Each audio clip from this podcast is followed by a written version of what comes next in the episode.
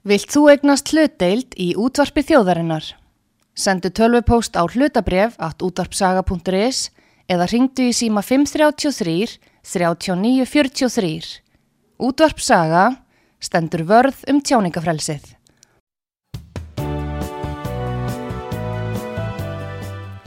Komið í sælum, Artrúðu Kallstóttir hilsar ykkur frá útvarpi sögu.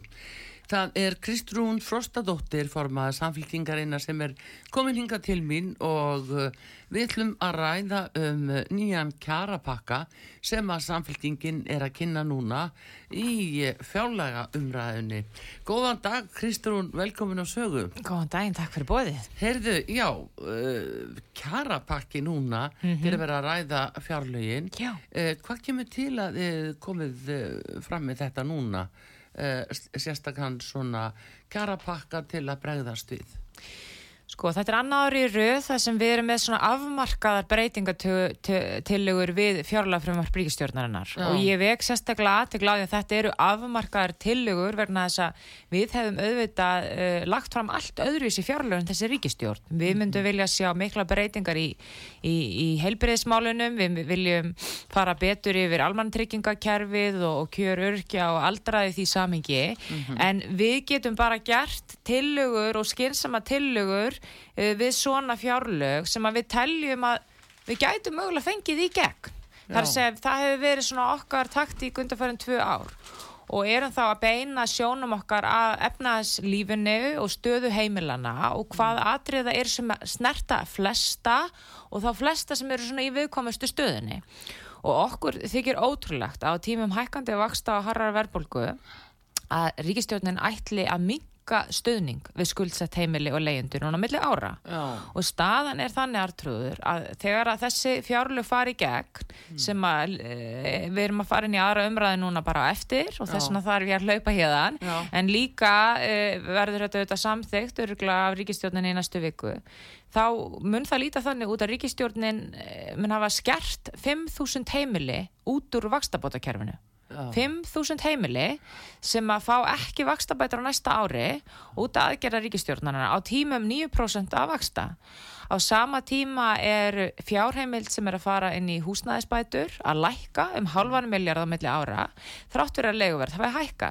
Þannig að við segjum við skulum ekki henda 5.000 heimilum út af vakstabótakerfinu á tímum hækkandi vakst og verðbólku setjum frekar 10.000 heimili eða ígildi 10.000 heimili til viðbótar inn í kerfið og það eru til að okkur í vakstabótum eins viljum við að húsnæðisbætur hækki í samræmi við leguverð á árunu mm og við erum að, að fókusa á þennan enda sem snýra að húsnæðismálunum verna þess að ungt fólk, tekjulegt fólk, fólk á örorkulíferi, fólk sem að þarf að standa skil af háum húsnæðisgreðsluum, það getur fengið stöðningi gegnum þessum kerfi. Mm -hmm. en síðan viljum við líka skoða aðgerði til að auka húsnæðisöryggi. Þar viljum við að verði sett á legubremsa til skamstíma til að koma í veg fyrir frekar hækkanir Já, ég ætla að ræða það við þið en aðeins þetta með húsnæðisbætur og þessa 5.000 aðila Já. sem að fá ekki núna stuðning eh, hvaða hópur er það? Er þetta hópur sem er með það hálaun eða hvernig, hvernig er það séð? Þetta er nefnilega mjög áhugaverð spurning en þess að staðin er í dag í vakstabótakerfinu að það fá mjög fá heimili vakstabætur. Mm. Þetta er kringum 13.000 heimili. Mm. 13.000 heimili á Íslandi sem fá vakstabætur og þetta eru tekjulegstu og egna minnstu heimilin. Mm. Þú farið auðvitað ekki vakstabætur nema þú eigir húsnæði ah. annars fariðu húsalegu bætur mm. ef að þú fellur undir það en þetta er fólki sem upp til hópa hefur haft langmest fyrir því eignast sína fasteign og er í viðkomistu teki og eignastöðunni mm. og þannig að það eru einfallega ekki það margir artrúður inn í þessu kerfi til að það út þannig að þú getur rétt ímyndað þér í hvað stöðu það, það fólk er sem núna á að spara 700 miljónir króna á hefur meinta aðhaldi ríkistjórnarinnar á þenslu tímum mm. á til að mynda að bytna á tekjulágum og eignar litlum einstaklingum sem hinga til að haldist inn í vakstabótakerfinu og spara þannig 700 miljónu króna. Þannig að það er ekki þannig að einstaklingar á háum launum sé að missa þannan rétt núna. Nei. Það eru svo fáir inn í kerfinu og staðan í dag er svo að sko ef þetta fer í gegn óbreytt þessi breytinga til að hjá ríkistjóninni sem við erum að reyna að bjarga verði ekki Já. þá verði greittar út 2 miljardar 2 miljardar króna næsta ári í vakstabætur þessi uppæð var sko næriði að vera 10 miljardar fyrir 10 árum síðan og þá er ég ekki eins og taka til til verðbólgu, fólksfjölgunar og vakstahækkunar, breytinga, allt þetta.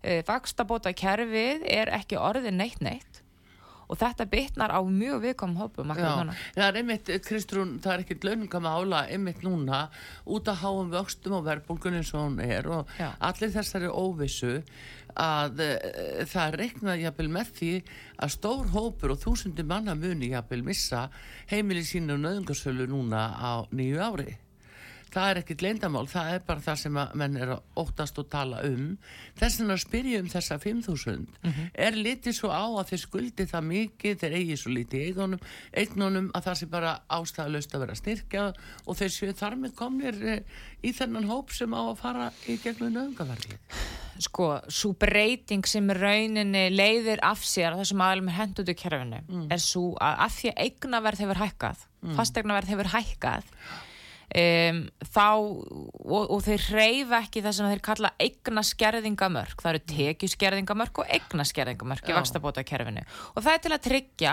að þeir fái vakstabætur sem að raunverulega þurfa eigna lítið og, og, og tekju látt fólk mm.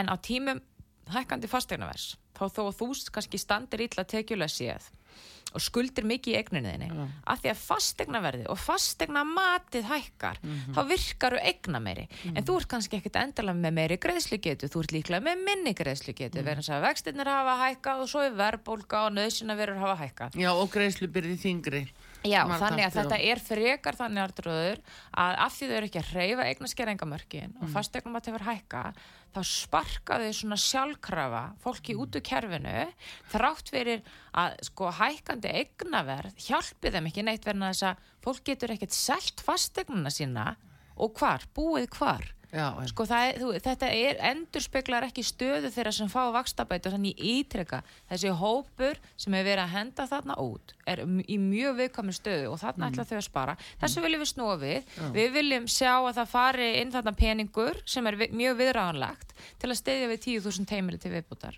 Já, eh, þið talið um að eh, það er eh, leiguþakið, eh, danska leiðin leigubremsan, já, leigubremsan. já. Hva, hérna, hva, hver er danska leiðin?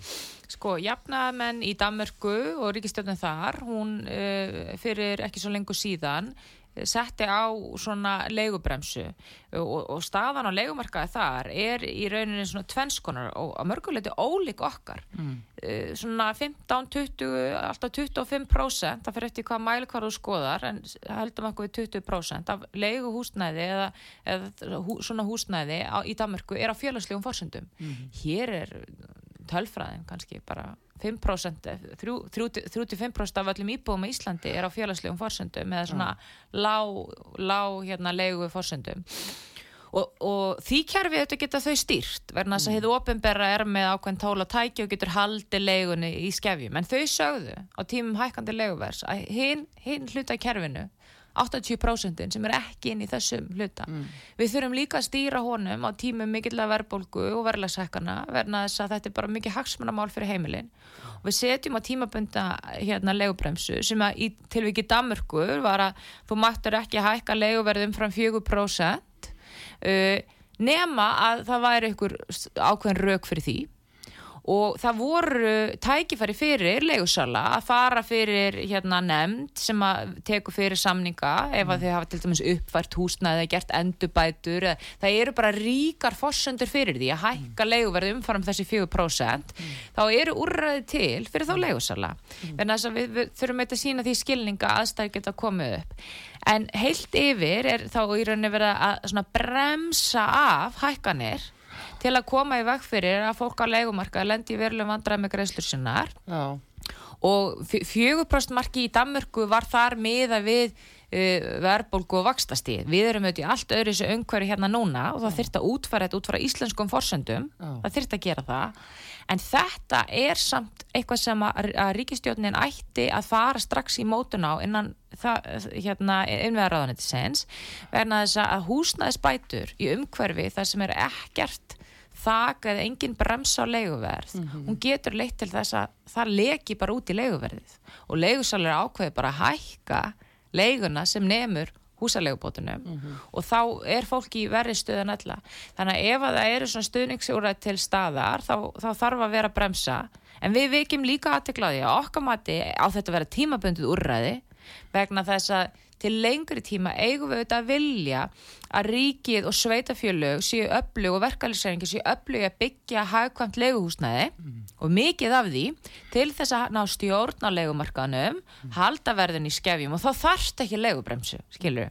Þannig að þetta er svona neyðar úrræði á meðan við erum í þessari stöðu. Já, en það er náttúrulega líka þessi húsnæði skortur. Já. Hann er náttúrulega er að vera alveg rosalegur Já. og núna ég held að veri fréttum bara í morgun að síðast að það er jáfnvel ekki vita um 6 6.000 manns hvar þeir búa þeir hafa ekki lögheimili mm -hmm. þeir eru bara á ókunnum stað mm -hmm. þannig að skorturinn er svo mikill og fólk er náttúrulega inn í alls konar atvinnuhúsnaði og annað jafnvel ósamþyktu og svo framvegis Já. þannig að eh, nú hefur náttúrulega innvegar á þeirra verið að lofa uh, já, jafnvel 35.000 íbúðum þeirra fram í sækir Já. en hvernig á að brúa það byll? hvað sýnist ykkur, hvað, hvernig er þetta að brúa þetta byl ef að líka greiðslubyrðinu er svo mikil og fólki það. Fari, það er ekki fórsöndu fyrir því eins og leggja til hlýða til að sapna ég veit það ég menn þetta er auðvitað líki latri þegar við erum að tala til dæmis um leikumarkaðin og, mm. og leigubremsu í núverandi umhverfi er að fólk sem er fast á leikumarkaði um, það er með svo gríðarlega greiðslubyrði og er að eða svo háa hlutallar ráðstöðum tekjum sín í leigu að það nær aldrei að koma sér inn á íbúðamarkaðin og þetta er auðvitað gríðarlega ósangjant en mm. það eru nokkru hlutir sem við viljum sjá koma til og, og nefnum meðalans í kjarapakkanum okkar sem ættu að aðstóðu við svona frekar uppbyggingu mm. og mér langar að nefna það til viðbúta við þessa legubremsu sem ég rætti sem er svona mikilvæg fyrir legumarka en að mm. við viljum að, að fá inn ívilnun til uppbyggingar á almennum íbúðum, semst mm. almenna íbúðkerfi sem á að vera svona ígildi gamla verk og verkamannabústaða kerfisins að, að það verði verðsjökaskattsafsláttur af uppbygging og slíkum íbúðum. Þannig að mm. í dag er það þannig að verkalýsreifingin eða svona óhagnadrein félög, mm. þau fá stoppframlög, svona eiginfjárframlög frá ríkinu en það er bara í kringu 30% kannski af uppbyggingkostnaði. Þau fá eitthvað mm. frá ríkinu og sveitafélög. 70% af kostnaðinum síðan mm. þurfa þau að, að fá að, að hluta til að láni og geta að fengja hagsta lán fyrir því en byggingakostnaðurinn er samt verulegur og sko uh, ef við gætum veitt þeim afslátt á verðisökkaskatti mm. sem var hérna á sínum tíma mm. þá myndi það draga verulega úr kostnaði þessa, þessar íbúða og gera það verkum að, að hérna, leigan gæti verið lagri fyrir vikið. Þetta eru svona ívilnanir sem ríki getur beitt sér fyrir til að segja að við viljum beina byggingamagni í áttað íbúðum sem eru hagkvamnar mm. ódýrari, henda betur þessu markaði vegna þess að það skortur á hafðkvæmum ódýrum íbúðum. Síðan höfum við líka verið að vekja aðtegla á því og vektum málsa því meðalans í þinginu gæðir á hérna, markaði fyrir skamtímalegu íbúður á Íslandi. Það er að segja ja. Airbnb íbúðir og þá fyrst og fremst Airbnb íbúðir sem eru meira og minna í leigu allt árið um kring. Mm -hmm. og það hefur bara ákveði stjórnleysi verið á þeim markaði.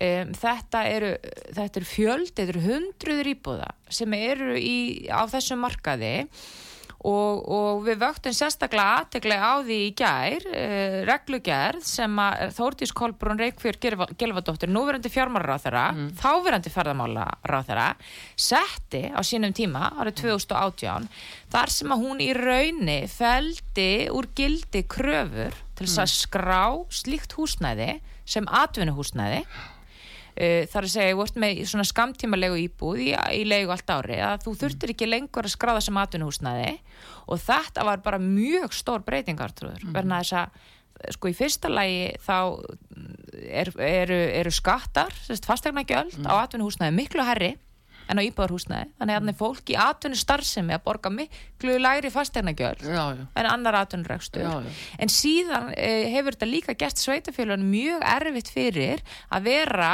með utanumhald um mm. hvar þessi starfsemi er til staðar. Já. þannig að með þessu erum við núna svona þess að feta okkur áfram í þessari umræðu og þrýst á stjórnvöld að taka reglverki til skoðunar varðandi Airbnb og þess að ferða þjónustu íbúðir þannig að þetta hefur svo mikil áhrif á íbúðamarka Já, en er þetta ekki, eh, er það eh, reynda rétt sko að þarna séu halvu og heilu blokkirnar sem eru bara Airbnb? Þetta er rétt, þetta er rétt og það er, sko Airbnb uh, hugmyndafræðin á bak, bak við Airbnb mm. var svo að fólk væri að leia lögheimili sitt út. Já. Þú fer til útlanda og ákveður að nýta heimilið mm. betur eða ok, og það átti eitthvað nættingi sem getur gist á og, og kannski sapnaði smá peningi mm. eina, tvær vikur. Hugmyndin var ekki svo að heilu íbúðuna, hvað þá blokkinnar, væri teknar af markaði samt skráðar sem íbúðir, ekki mm. atvinnuhúsnaði mm og reknar í atvinnu skinni þá ertu bæði að skekja samkeppnistöðu hvort hótelum og öðrum gestiheimilum og þú ert að borga læri gjöld til sveitafélagana netla en þú ert líka að grýpa inn á markað fyrir heimili fólks. Mm. og þess vegna erum við þeirri stöðu alveg og þú varst að nafna hérna í, í, í byrjunartrúður að við erum með íbúð þessa lands sem búa í atvinnuhúsnæði, ósamþyktu atvinnuhúsnæði en ferðafólk býr í íbúðunum okkar. Já og við hljótum að þurfa að horfa krítist á þetta og ég mm. fagna því bara sem kom fram þegar var ítt á ráð þeirra í gær í þinginu mm. að hún teldi að mögulega þurfti að endur skoða þessa reglugjær sem hún sjálf, sjálf hafi sett mm. reglugjærinn hennar Þórtísar Já fyrir núna orðin fjármálar á þeirra hún var færðamálar á þeirra 2018 þegar hún gerir þetta já. og tekur í rauninni meðvitað ákverðin um að breyta þessar trúður vegna þess að 2016 mm. þá var forverið hennar í, í því ennbætti, hún, hún setti reglugjærð þar sem að það voru gerað skýrar kröfur mm. um að svona skamtíma leigu íbúðagisting sem að væri atvinnurekstur ætti að skrást sem atvinnuhúsnaði og líka að það væri auknar kröfur varðandi brunavarnur og þess að það síðan tekur hún þetta út. Mm. og, og í kjálfarið höfum við sé gríðarlega fjöld af íbúum fara inn á þennan skamtíma legumarkað mm. og þetta þarf bara taka til mjög krítiskrar umræði núna.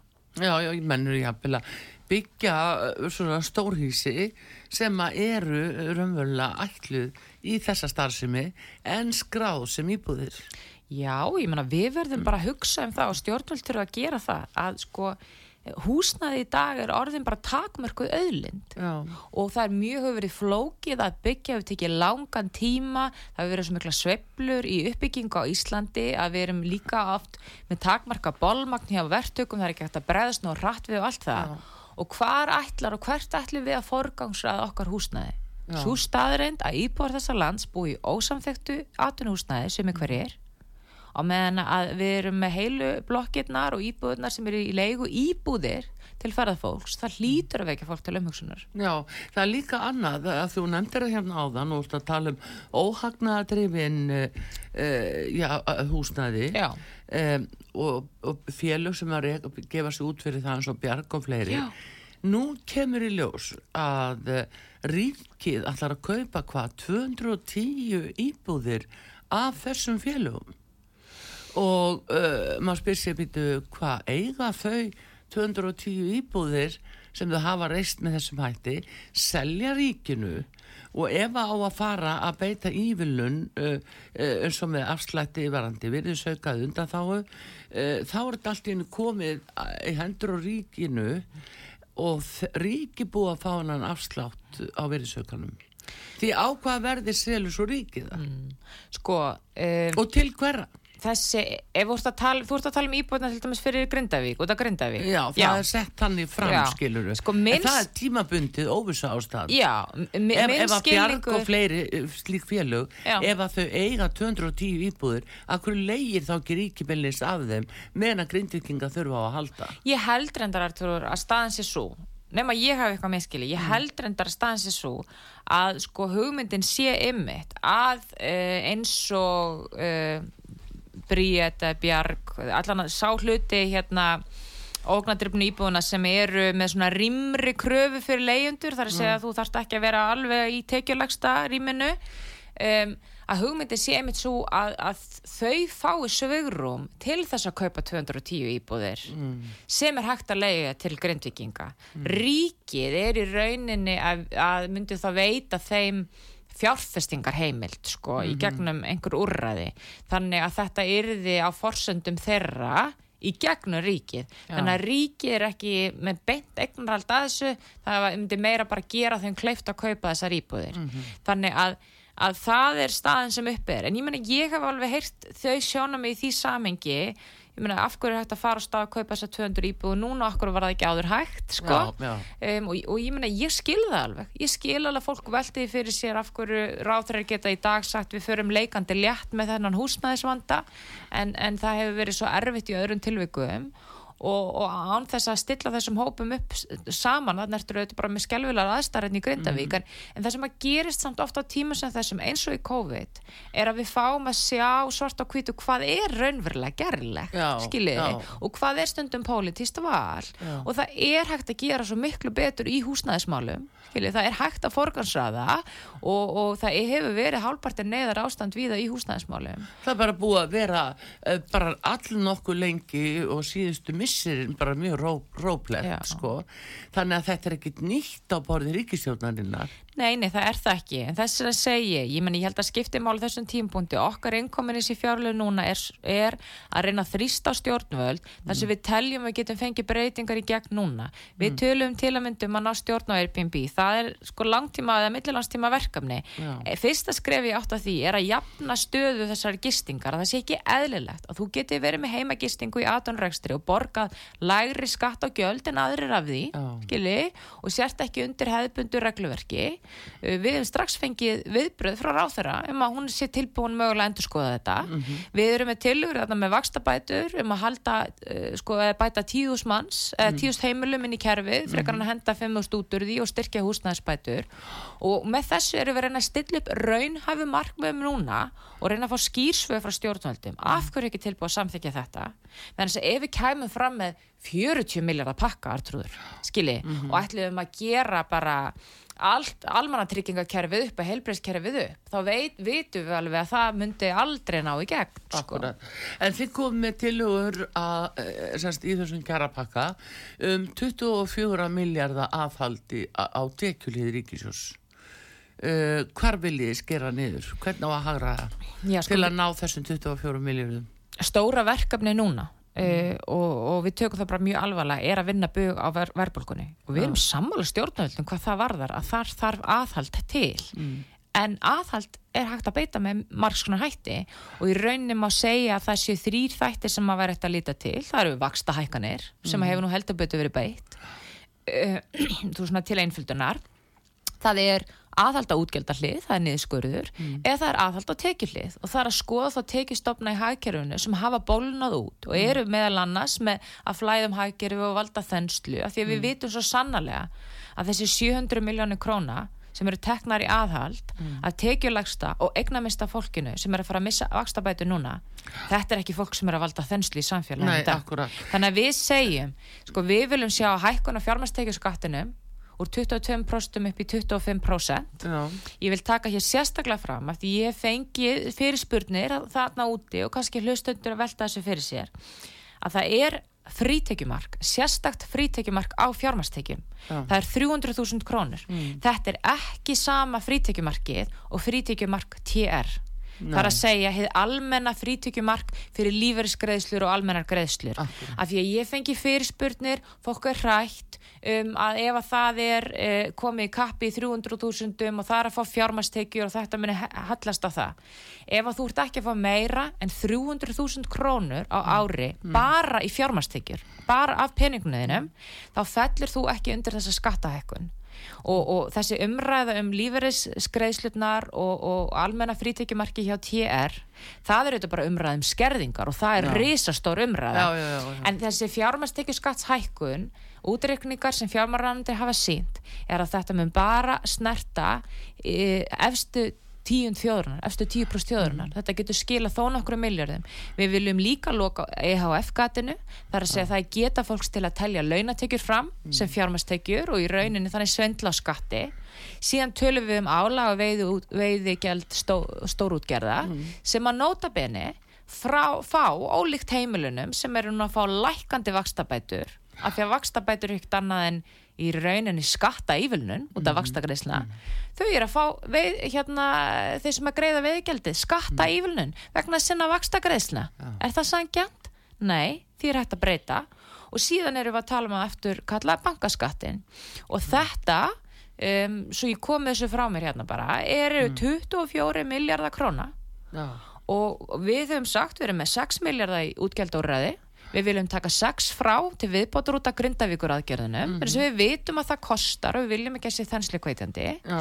þá erum við með 12 miljardar í útgjöld 24 í tekjur og þannig tryggjum við að við höldum aftur á þenslunni en pössum viðkomustu hópana og það er það allra minnsta sem hættir að gera núna aftrúður, en við myndum auðvitað að gera miklu meira til lengri tíma ef við værim í ríkistjórn. En við ráðum ekki öll í því samingi Nei, nei, en þetta er svona uh, einmitt spurningi, ég veit að þú ert að drífa það nýri þing nefnilega Kristrún. Ég er að fara í atkvæðagreislinn fjárlög, það Já, er nefnilega málið. Það er nefnilega málið, en einmitt bara út af þessu Já. og verðbólgu öðru e, þegar horfir yfir þetta það það er ekkert sem kemur frá sælabankanum um að jú, það er svona góða fréttir en það er svona einhverja að klísi svolítið. En e, hvernig líst þér bara á næsta ár, hvernig leggst það í þig? Næsta ár er mjög háði hvað stjórn vil gera Mhm. uh, ein af ástafanum fyrir því að við erum með hennan kjara pakka er að þetta snýst ekki bara um sanginni gagvart uh, fólkinu í landinu heldur Mhm. líka er þetta praktík og góð efnarsmálastjórn Mhm. þess að við erum að fara inn í kjarasamninga eftir áramót Mhm. það hefur verið kröfur hjá verkarisreifingunni að við fáum styrkingu á kjörum fólks í gegnum aðra þætti en bara í gegnum hérna launaumsleið Já. og ef að það kom ekki úrbætur á kjörum fólks sem miða aðstæðum þeirra baklandi eins og vakstabætur, húsnæðsbætur, umbætur á húsnæðsmarkaði það fáum við frekar, flatar og herrilegnahækkanir og það gæti orðið verðbólgukveitjandi og þess vegna er þetta mikilvægt kjaramál ef við viljum ekki fá hér herri vexti, herri verðbólgu og hérna áframhaldandi óra á vinnumarkaði. Að við förum í sértakar pólitískar aðgerðir. Þannig að ég, ég er kannski betri stöðu til að svara þér hérna eftir að við samþingjum fjárlög hvernig Já. ég sé ári líti út Á mætur öttur. ég mæti bara Já. í byrjun árs og við ræðum horfinnar, er það ekki? Gerum það. Já. Bestu takki Kristrún Frostadóttir, formaður samfélkingarinnar. Við þökkum minni kella fyrir komuna. Artrúðu Kallstóttir þakkar ykkur fyrir. Frettir vikunar hér og eftir.